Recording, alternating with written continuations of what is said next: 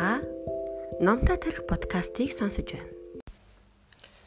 Та охинтой бол заавал уншаараа номын хамгийн сүүлийн бүлэг болох 5 дугаар бүлгийг хамтдаа уншъя. За 5 дугаар бүлгийн нэр нь хүний зан ааш хувь заяаг шийддэг. Төгс төгөлдөр зан төрөх гэж юу вэ? Хүний зан арашин гэдэг төрөлхийн зүйл. Гэвч хүмүүжлийн арга барилын нөлөөллөөр маш амархан олдмол зан хараншинг бий болгож болдог.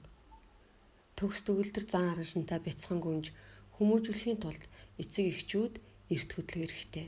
Сургуулийн өмнөх насны хүүхдийн хэлээрээ болон үйл хөдлөл тодорхой хэмжээний төвшөнд хүртлэх хөгжиж өөрийн гэсэн бие даасан байдалтай болж өөрийн гэсэн үзэлтэй болдогч хараахан бат бөх тогтвортой зан хараншинтай болж амжаагүй байдаг. Эцэг эхчүүд маань энэ үед ашиглан хүүхдээ инэрэнгүй илгэмсүү сэтгэлтэй амгалан тэсвэр төвчээртэй болгон хүмүүжүүлэх хэрэгтэй. Мөн үүний хажуугаар хүүхдийн зан аршингийн дутагдaltaй талыг анзаарч үргэлж анхаарал тавьж явах хэрэгтэй. Бүхэл охид хүмүүжүүлж бойжуулах шаардлагатай байдаг. Хүмүүжүүлэх гэдэг үгийн дотоод утга нь хүүхдийн далд байгаа авьяас чадварыг нээн гаргаж ирэхэд оршино. Тэднийг тайван амгалан сэтгэл хөдлөлтөй болгож далд чадвараа нэгтэн тусалж өөртөө ихтэй төгс төгөлдөр зан төрхтэй болоход туслах хэрэгтэй. Энэ нь сэтгэл зүйн өндөр үр дүнтэй арга төдийгүй ухаалаг хүмүүжлийн хэлбэр юм. Нэг нь нэр сэтгэл зүйч хин тайван амгалан сэтгэл зүйтэй тогтун сайхан амьдралд дургу байж чадах юм бэ гэсэн байдаг. Үнэхээр охтын хувьд ухаантай биш байж болно. Царайлаг сайханж биш байж болно. Гэхдээ хизээч дүлгөөн бус байж болохгүй дүлгөөхөн зан нь эмэгтэй хүний уяхан зөөлөн болон сэргэлэн зангийн онцлог. Хизээд ирэх мэдэл эд хөрөнгө нэр төрөөс илүү байж ирсэн. Иймээс эмэгтэй хүүхдийг хүмүүжүүлэхдээ тэднийг үргэлжийн тайван дүлгөөн сэтгэл хөдлөлтөй болгон хүмүүжүүлэх хэрэгтэй. Тайван дүлгөөн гэдэг нь ямар нэгэн асуудалтай тулгархад сэтгэл санаагаа чадлынхаа хэрээр тайван байлгаж хитрхи зочирдохгүй байж алдсан зүйлээ хит их анхаарахгүй асуудлыг бүхэлд нь олон талаас нь хардаг байх хэрэгтэй юм. Сургамжит түүх. Алдарт эрдэмтэн Денган эрхэм ганц охиноо тайван дүлгөөн болгон хүмүүжүүлсэн түүхтэй. Охин бага ангид оров.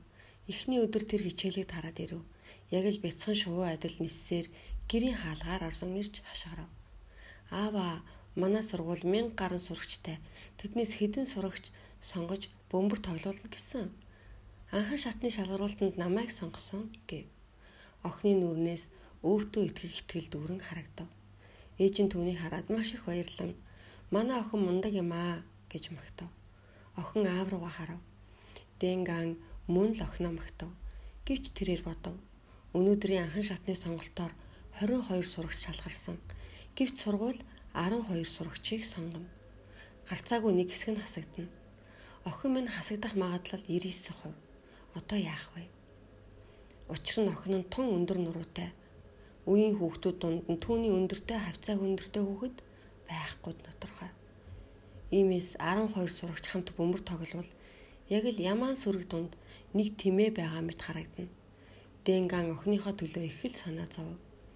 Тэр охиноо ийм зовлонг давж гарч чадахгүй байх вэ гэж айж байв. Дараагийн өдрүүдэд охин нь өдөр бүр чин сэтгэлээсээ бэлтгэл хийж байв. Хоол идэж байхдаа хоёр савхаараа хичээл хийхдээ балаараа алхаж явхдаа хөлөөрөө саван саваа болгон бэлтгэл хийж байлаа. Тэр аавтайгаа ярихдаа ч химнэл уншина. 1 2 3 4 гэх мэтэр. Дэнган инээмсэглэн охиныхоо яриаг давтна. 1 2 3 4 охиныхоо ийм идэвхтэй байгааг хараад Энган улам их шаналв. Охин нь өдөр бүр хичээл тарсны дараа 2 цагийн бэлтгэл хийгээд гэртээ хардаг байлаа. Охин гэртээ ирэх цаг болох бүрд аав нь тайван сууж чадхаа болов. Тэр охин нь нэг л өдөр ааваа би хасагдчихлаа гэж хэлэхээс айна. Охин нь урдын адил нисэх мэт гэртээ гүйн ирж дараа нь сэтгэл нь жаахан тавьчирна. Охин нь өөртөө маш итгэлтэйгээр Аава би 1 2 3 4 гэж сурсан төдийгүй 2 2 3 3 гэж сурсан гэв. Дэнган баяртайгаар Маш сайн байна. Маш сайн гэв. Дэнга магадгүй миний босон шиг муу зүйл болохгүй ч байж мэднэ гэж өөрийгөө тайтгаруулав. Гэвч тэр охиндоо урдчлан сэтгэл санааны бэлтгэл хийхээр шийдэв. Охиноо сэтгэл нь ихэд өөдрөг үе тохинтойгоо ярилцав. Бөмбөр тоглох сайхан байна уу? Маш сайхан гэж охин хариулав. Охин минь ийм сайн бөмбөр тоглож байгаа нь манай гэр бүлд аз жаргал нэмлээ. Миний охин сонгогдохгүй байсан ч хамаагүй гэв. Охин инээмсэглэн толгой тохино. Аав нь түүний бөмбөр тоглоход дуртай байдгийг сонсоод маш их баярлав. Гэвч эцэст нь аавынхан зовниж байсан үеэрв. Дөрвөн цагийн үед гэрийн хонх дуурав. Дэнганы сэтгэл зовниж эхлэв. Учир нь энэ охиных нь хичээл тардаг цаг. Тэр хичээлийг тараад шууд гэртээ ирсэн бол сонгогдоогүй гэсэн үг. Дэнган яарвчлан очиж хаалгаан онгоолгол охин нь уйлчихсан зогсож байв. Хүрээд ирв гэж Дэнган охиноо аяархан Эрт хичээл чин тардаг сайн байна шүү. Аав нь жаахан байхдаа үргэлж эрт тардаг байсан. Аав нь 5 цагийн хичээл суух хэрэгтэй. Гэхдээ 4 цагт нь суучгаад л гэрлүүгээ гүйдэг байсан. Гэртээ хичнээн эрт дураараа гэж гэж хэлв. Охин нь үг дуурсангүй. Гэвч харваас яг л уйлах гэж байв. Дэнганы сэтгэл маш их өвдөв. Одоо яах вэ? Дэнган охиноо дагуулад гадагшаагарч алхахаар болов. Денганы гэр Далианы далайн ойролцоо байдаг. Тэр охиноо дагуулад далай руу явв. Далайн эргээр намуухан, далайн ус маш дөлгөөхөн байлаа. Денган охиндоо аав нь яагаад чамайг далай дээр дагуулж ирсэн гэж гэв. Учир нь чи шалгаруултанд тэнцээгүй. Аав нь чиний сэтгэл их зовж байгаа гэдгийг мэдэж байна. Гэхдээ зовлон бол зовлон. Бид буур сууртайхан энэ зовлон хүлээн авах хэрэгтэй. Охин минь чанхан уйлаад ав гэв. Охин нь дахин сэтгэлээ барьж дийлсэнгүй. Бориглон урсах далайн устай хамт охин нь зүрхрэн уйлав. Дэнган охиноо уйлж тусал нь хүлээв. Тэгээд охиндоо хандаж одоо хоёулаа тайвшраад яагаад хасагдсан талаараа бодъё. Тэнцэхгүй байна гэдэг чинь чи юм уу болохоор тэнцсэнгүй гэсэн үг өрдөөч биш шүү дээ. Аавынх нь бодлоор миний охин их өндөр болохоор багийн хүүхдүүдтэйгээ зогсохоор зохицолгүй харагдах болохоор л тэнцээгүй байх. Миний охин яагаад өндөр гэж? Учир нь охин минь аавтайгаа адилхан өндөр шүү дээ. Үүнд ямар уруу байхав дээ. Миний охин ирээдүйд мэдээж янз бүрийн л чиний хүлээн авах чадахгүй, чи өөрчилж чадахгүй зовлон гарч ирэх болно. Тэр үед сайхан уйлчаж бай. Имч авах ахын чинь хэлснээр уйлж гаргасан нулимсэнд туршилт хийсний дүнд хортой байдгийг мэдсэн байна. Эмэгтэй хүн яагаад эрэгтэй хүнээс илүү урт насалдаг учрыг мэдхүү. Учир нь эмэгтэй хүн хороо гадагшлуулж чаддаг юм. Ямар нэгэн зовлон тохиолдох үед сэтгэлийн онгойтол сайхан уйлчхад сур. Тэгээд хэсэг хугацааны дараа тайвшраад яг хаана асуудал гарсныг сайн бод. Ямар ч юмд хизээд сайн тал бас байдаг. Жишээ нь чи ялагдж болно. Тэгээд тайвшраад бодоод үзвэл чи өөрийн дутагдaltaй талаа олж харах болно шүү дээ. Энэ бол мянган лангийн алтаарч худалдаж авч болдоггүй зүйл шүү гэв. Охин нь аавынхаа хэлснийг сонсоод аажм аажмаар тайвшраад ирэв аав охин хоёр гэртээ харих үед охин нь баяртайгаар аавдаа хэлв. Үгүй ядахтаа энэ хэсэг бөмбөр тоглосон хугацаанд манай гэр бүл илүү чөлөөтэй аз жаргалтай болж хувирсан тийм үү ааваа гэв. Дэнга маш баяртайгаар толгой төхөөд "Тимээ миний охин бидэнд аз жаргал авчирсан эн чинь сайн хэрэг шүү дээ" гэв. Хүүхэд л бол хүүхэд тэд юмд ханд хандлаганд харьцангуй амархан байдаг. Аав бол баярлаж алдвал уйлж зовдөг. Энэ үед нь эцэг их нь хажууд нь байж зааж сургаж байхгүй бол хүүхдүүдийн сэтгэл зүй тогтворгүй болдог. Том болсны хойно амархан өөрийгөө удирдах чадахгүй болдог. Охиноо баг байхад эцэг их нь охиндоо бид хүнд байдалтай тулгарч түүнийг өөрчилж чадахгүй, аюулыг зайлуулж чадахгүй үед битгий сэтгэл мохож, гомдож гансарч яваарэ. Өөрт учирсан аюул зовлонг арай өөр өнцгөөс гарч зовлон шаналл чамд авчирсан сайн зүйлийг нь сайн талаас нь олж харах хэрэгтэй гэдгийг заавал хэлж өгөөрэй. Хүүхэд чинь ийм үзэл бодолтой үед түүний харах өнцгөн зөвхөн нүдний өмнөх эрх ашгаар хязгаарлагдгаа болж сэтгэл санаа нь аажим аажмаар илүү амар амгалан дөлгөөхөн болох болно. Мэдээж хүүхдийг тайван дөлгөөн зантай болгоно гэдэг нь ганц цагийн асуудал биш. Эцэг эхчүүд маань аажим аажмаар шат дараалалтай охиндоо ийм үзлийг суулгах хэрэгтэй Үүний хажуугаар дараах гурван зүйлийг анхаарвал зохино. Нэгдүгээрт хүүхэд өөрийгөө голох сэтгэлийг үгүйхээ. Хэрвээ охин чинь өөр өөрөө хангалттай бахархаж өөртөө бүрэн итгэлтэй байж чаддаг бол тэдний зан харьцангуй тайван байдаг. Ямар нэгэн асуудал тулгархад сэтгэл санаа нь амархан хямраад байх нь бага байх болно. Хоёрдугаарт амьдралд мухардах дасгал хий. Амьдралд мохох бол хүн бүрийн сурах ёстой хичээл, хүн бүрийн туулж өнгөрүүлдэг зам, хүн төрлөختний нэгэн эд баялаг юм. Ямар нэгэн мухардал, зовлон шаналгааг давснаар хүн илүү хүчрэхэг далавчтай болдог. Үүний адилаар хэцүү бэрхтээ тулалдах зориг шийдвэртэй хүний сэтгэл илүү тогтун, тайван болж хувирдаг байна. 3 дугаарт баяр хөөртөө сэтгэл санаатай байх. Нэгэн эрдэмтэн хүний амьдралыг инхүүд үрсэлсэн байдаг. Хүний амьдрал яг л нэраа хүүхдийн анхны нулимстай адил. Хэдийгээр хичнээн шорвогч гэсэн үнэхээр шин соргог байдаг. Чи ямар ч хүнд бэрх зүйлтэй тулгарсан өөрийгөө л алдахгүй байвал ямар ч зовлон шанал чамд наалдаж чадахгүй баяр баясгалантай сэтгэл зүйтэй байж бүгдийг нээлттэй харж чадвас өөрөө аяндаа тайван дүлгөөн болоод ирнэ. Эцэст нь дүгнэхэд тайван дүлгөөн зан гэдэг бол охин хүүхдийн сэтгэл зүйн чадварын хамгийн гол бүрэлдэхүүн. Дээр дооргүй хөндлөн голд нийгмийн өрсөлдөөн зах замбраагүй хүний амьдралын олон асуудлуудтай тулгархад охид маань тайван дүлгөөн сэтгэл зүйтэй л байж чадвас хаанч цочрохгүй хаанч унахгүй жинхэнэ дагнолж болох болно. Охиноо аливаа зүйлд тууштай байлгаж сурга. Хизээш тууштай байдаггүй. Бүр амжилт яг нүдний өмнө байсан ч тууштай байж чаддаггүй хүүхэд хизээч амьдралын үнцийг түүний ханамжтай байдлыг мэдэрч чаддаггүй. Ийм хүүхэд нэг насаараа аз жаргалгүй амьдардаг. Иймээс охин хүүхдийг хүмүүжүүлэхдээ тэднийг альваа зүйлд тууштай байхад сурах хэрэгтэй тэдэнд үргэлж ихтгэл найдвартай байхыг сурахын хажуугаар хүнд бэрх зүйлийг ялан дийлээд даваад гарах ихтгэлтэй болох хэрэгтэй. Эрэгтэй хүүхэдтэй харьцуулахад охид илүү зоригтой үнэнч шургуу байдаг. Гэвч бүгд ийм байдаггүй. Маш олон охид замын талаасаа буцдаг зантай байдаг. Иймээс эцэг эхчүүд маань хүүхдээ багаас нь альваа зүйлд шаргуу байхыг зааж сурах хэрэгтэй. Хүний амьдралын урт аялал донд бид маш олон сорилттой тулгардаг. Хэрвээ тууштай зүтгээл байвал үр дүн нь хизээд амжилт байдаг. Иймээс октоо тууштай шаргуу зантаа болгон хүмүүжүүлэх нь тун чухал. Сургамжит төв. Энэ бол үнэхээр хүний сэтгэлийг хөдлөсөн төв. 9 настай охин нь аавыгаа аврав.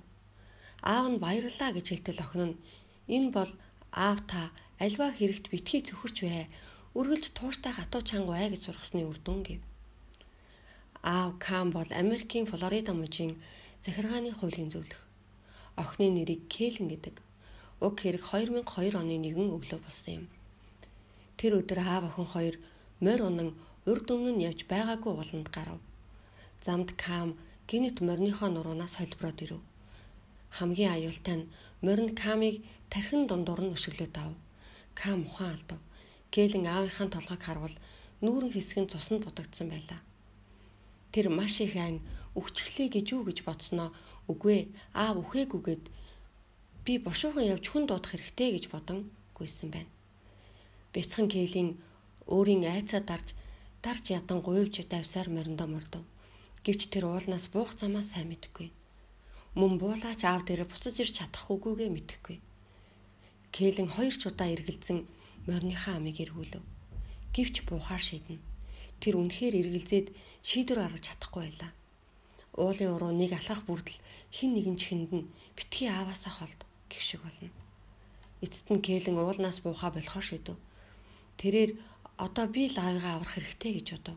Тэр өөрийгөө тайвшруулж сайн гівч нь өөрийгөө хянаад аавынхаа хажууд сун аавынхаа байдлыг шалгаж эхлэв.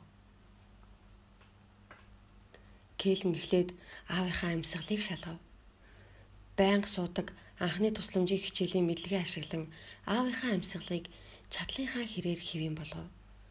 Дараа нь цус тогтоох болов. Эвтэйхэн аавынхаа цусыг арчлаа. Тэр аавынхаа сэрэхийг хүсв. Охин уйлж болохгүй гэж хідэн өөртөө ихтгэлтэй хоолоогоор аавынхаа чихэнд хоёулаа бушуухан гэртээ харъя. Бурхан бидэнд туслахыг би мэдэж байна. Ками ухаан баларцсан хэвээр.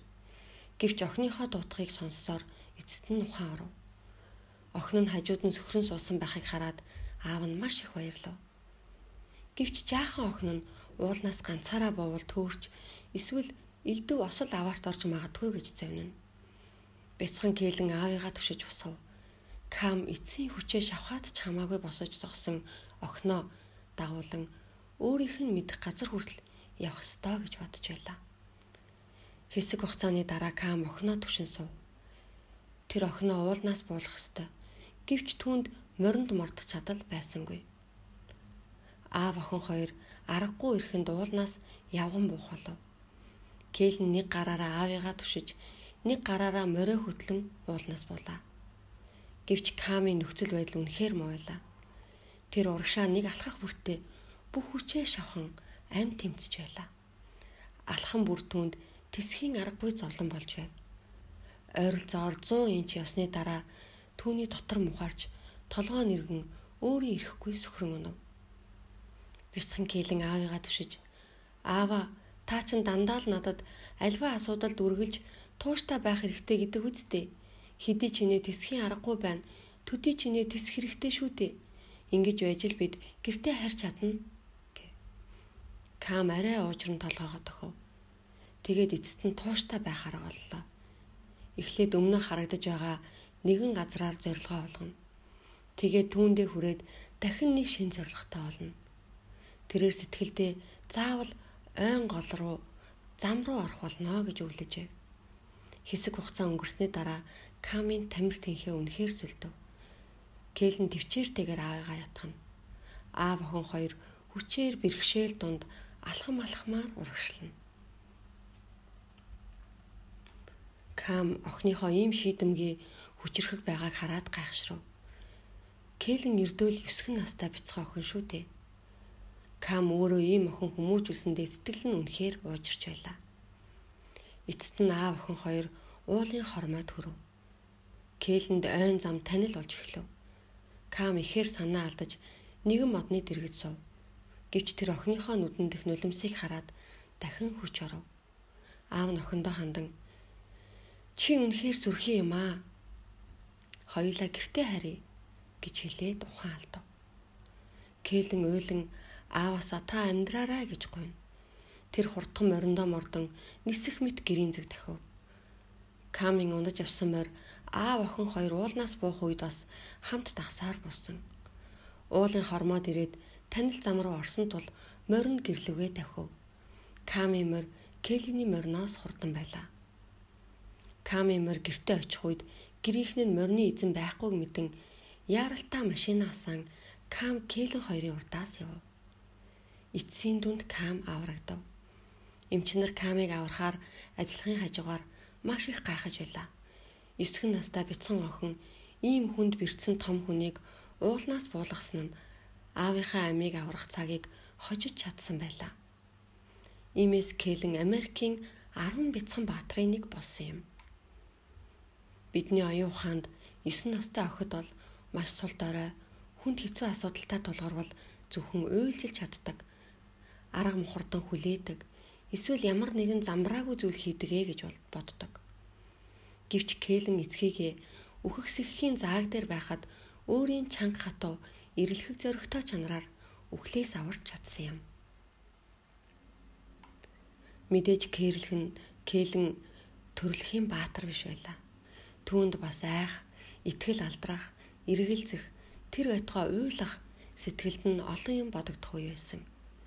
Харин аавыгаа аврах хүсэл нь түүнийг үргэлж зоригжуулж байлаа. Мөн аавынх нь жирийн үед түүнийг тууштай байхад сургадаг нь түүнийг тууштай байлгуулж мөн аавыгаа ч тууштай байхыг ятгахад дэм болж чадсан юм. Бидний эцэг эхчүүд хүүхдийнхээ оюун ухааныг хөгжүүлэхэд л анхаарахаас биш юмд тууштай шаргуу зантаа болгон хүмүүжүүлэхийг үл тоомсролтг нь хүнд бэрх зүйлтэй тулгарч чаддаггүй. Түүнийг даван туулахыг хичээдэггүй. Замаасаа гарахад хүрэгдэг байна. Камын хүүхэд хүмүүжүүлэх арга барил бидэнд нэгэн тохио өглөө. Бид огтоо амьдралын альва асуудалд тууштай нэгэн болгон хүмүүжүүлэх нь тун чухал юм. Охид багада сонирхлын дагуул юм хийдэг. Маш амархан сонирхол нь өөрчлөгддөг. Яг л барын толгой могоон сүлтэй мэт. Учир нь юм хийхдээ нэг удаагийн сэтгэл хөдлөлт тулгуурладаг. Хэсэг зур энийг хийн, хэсэг зур тэрийг хийн гэсээр туйлбартай ханд хандлага дутдаг.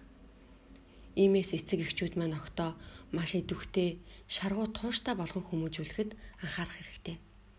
Тэгвэл хүүхдээ хэрхэн яаж төсвөр төвчээртэй болгох вэ? Нэгдүгээрт хүүхдийн санаачлаг гарах болон бие даасан чанарыг хөгжүүл. Хүнд найддаггүй хүүхэд л өөрийнхөө хариуцлагыг ухамсарлаж итгэл найдвараа өөр хүний бие дээр тогтдоггүй. Бид охиддоо биелүүлж болмоор сургалт, үйл ажиллагааны төлөвлөгөө, зориг гарган түүнийг хариуцлагатай биелүүлэхэд нь туслах хэрэгтэй. Өөртөө тохирсон төлөвлөгөө болон зориг тавьж сурч амьдрах нь чухал юм. Хоёрдугаарт хүүхдийн төсвөртэй зан хөгжүүл. Бид ухамсартайгаар охиддоо тэдний хийх дургүй зүйлийг нь хийлгэх төлөвлөгөө гаргах хэрэгтэй. Мөн түүний хажуугаар тэднийг сайшаа гаргаач сэтгэх хэрэгтэй. Гол нөхцөл нь тавьсан шаардлагын дагуу заасан цаг хугацаанд хийж дуусгана. Энэ нь тэднийг хатуу чанга болгох дасгал болно. Бяцхан охтын зан аранш нь төгс тогтун байдаггүй. Тэд хувирамтгай уян хатан байдаг Иймд эцэг эхчүүд маань тэднийг хүмүүжүүлэх явцдаа маш их төсвөр төвчээр туйлбартай байдал, сахилга баттай байхыг зааж сурган тэднийг аажмаар альва асуудал тууштай болгох нь зүйтэй юм. Охноо төсвөр төвчээртэй болгон хүмүүжүүл. Өөрийнх нь дурлаж хүссэн зүйл бушуухан биелэгдэхийг хүсэх бол хүн төрлөختний төрөлхийн чанар.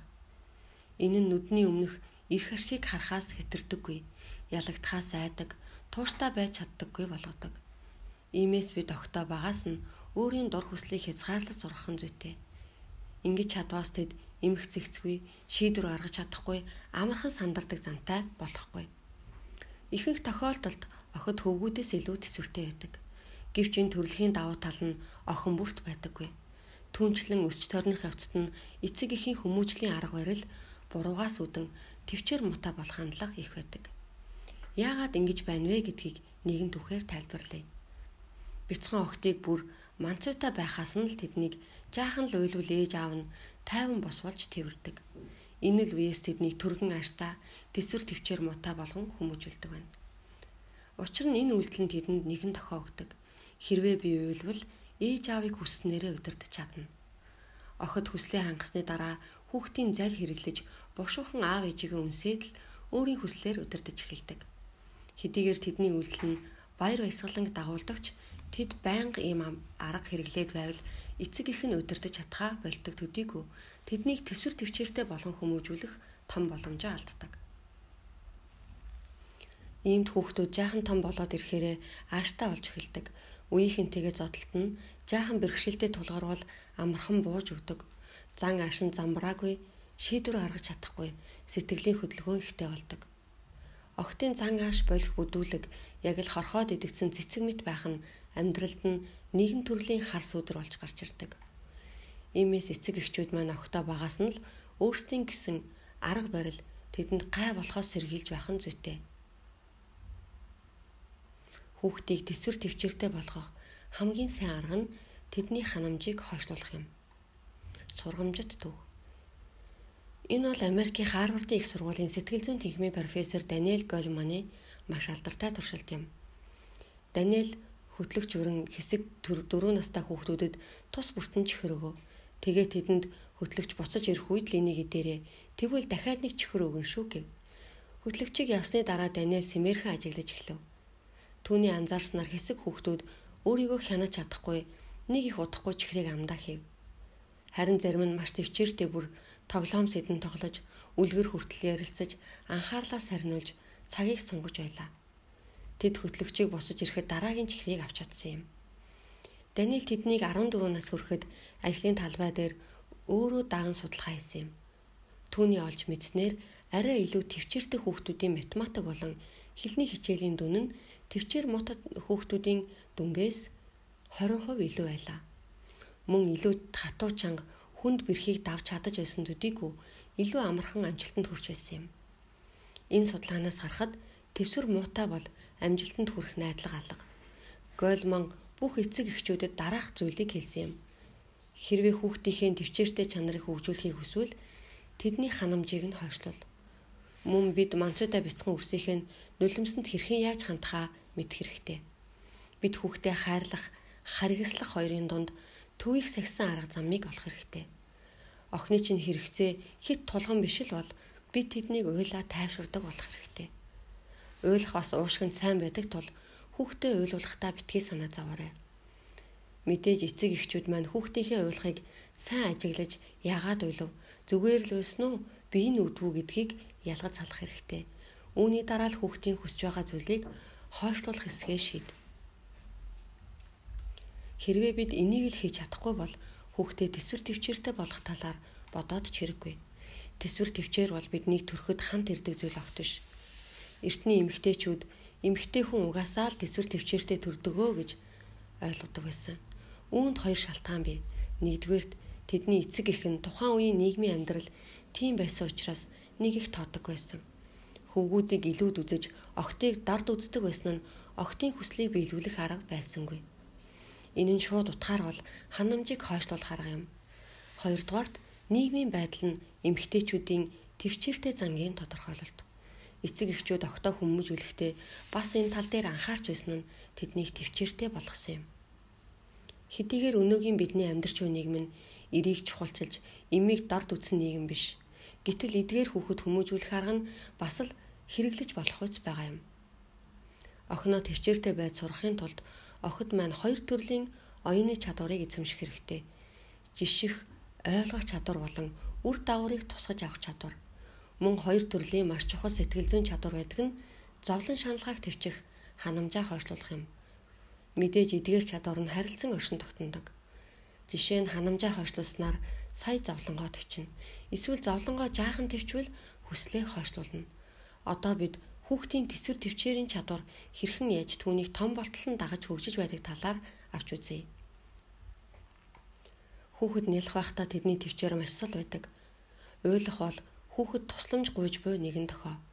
Гэвч дөнгөж төрсөн байсан ч хамаагүй тэднийг хаяа жаахан уйлуул сурах хэрэгтэй.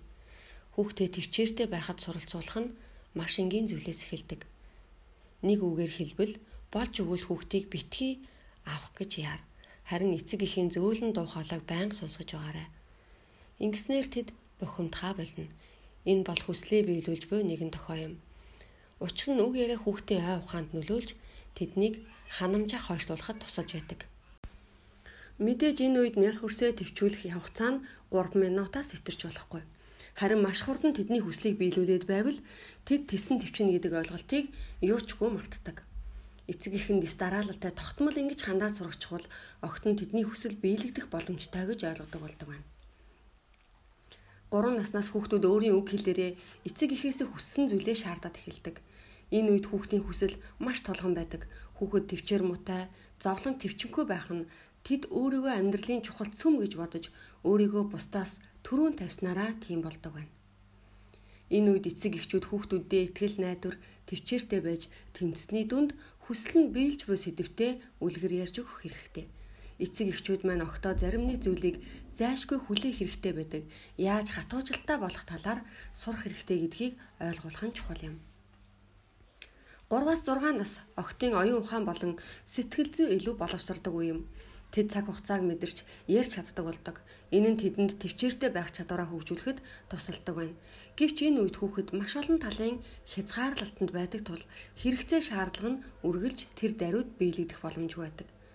Жишээ нь цэцэрлэгт тэд бусад хүүхдүүдийг бас бодолцох хэрэгтэй болдог. Эсвэл багш нь түүнийг хойгуур хуваарлах ч юм уу Энэ үед тэд маш их дарамт мэдэрч эхэлдэг байна. Иймээс эцэг эхчүүд маань тэднийг үргэлж битгий твч гэж байгаарай. Зарим нэг шаардлагатай үед нь бас сэтгэл хөдлөлөө ил гаргаж байхыг зөвлөөрэй. 6 наснаас хойш сургуульд ороод эхэлдэг. Хичээл нь унших хичээл, байгалийн ухааны хичээл, биеийн тамирын хичээл аль нь ч байсан төвчээр бол сурлагын амжилтын гол хүчин зүйлийн нэг юм.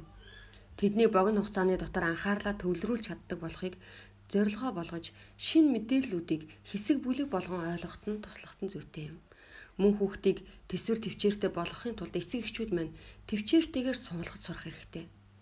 Хүүхдээ хэдий чинээ эрт хүмүүжүүлэхлэн төдий чинээ амархан байх болно гэдгийг битгий мартаарай. Хүүхдийг төвчээртэй болгочихвол бусад талаар нь хүмүүжүүлэхэд тун амархан байдаг. Та Номтой тарих подкастыг сонсож байна.